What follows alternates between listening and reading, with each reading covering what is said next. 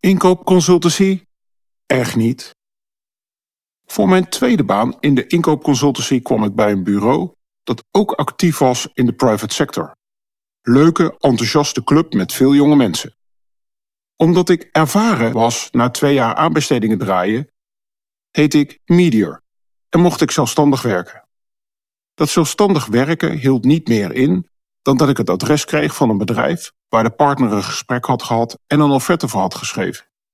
Ik bleek de vervanger te zijn van een collega met zwangerschapsverlof. Ik draaide drie maanden gewoon mee in de inkoopafdeling van dat bedrijf.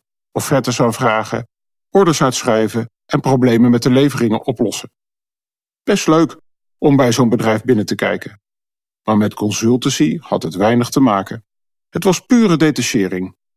Achteraf bleek dat ik nog geluk had gehad. Dat het maar drie maanden duurde. Collega's zaten soms wel een jaar ergens gedetacheerd. Toen ik eens om me heen keek en op een Navy Young uh, bijeenkomst ook anderen daarna vroeg, bleken eigenlijk alle inkoopadviesbureaus weinig aan advies of consultancy te doen, maar eigenlijk pure detacheringsbureaus te zijn.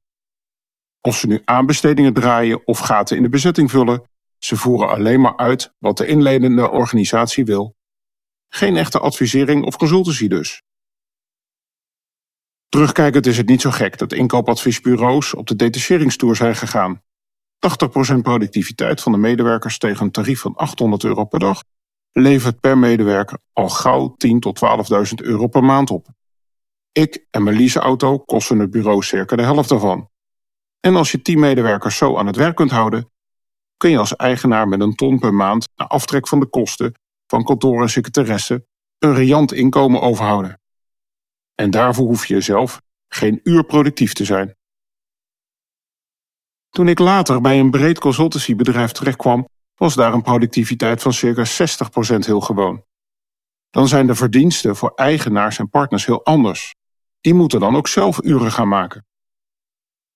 De rekensom van detachering maakte zeker bij de betere consultants wat los. Voor hen geen 800 euro per dag, maar 1000 euro of 1200 euro. En ondanks een hoger inkomen en een grotere auto, is dan de marge voor de eigenaren nog veel groter. Consultants werden ook eerder op naam gevraagd voor een volgende klus en zodra ze dat door hadden, vertrokken ze bij het bureau en begonnen voor zichzelf of begonnen hun eigen bureau. Wel in de detachering overigens, want dat levert gewoon het meeste op.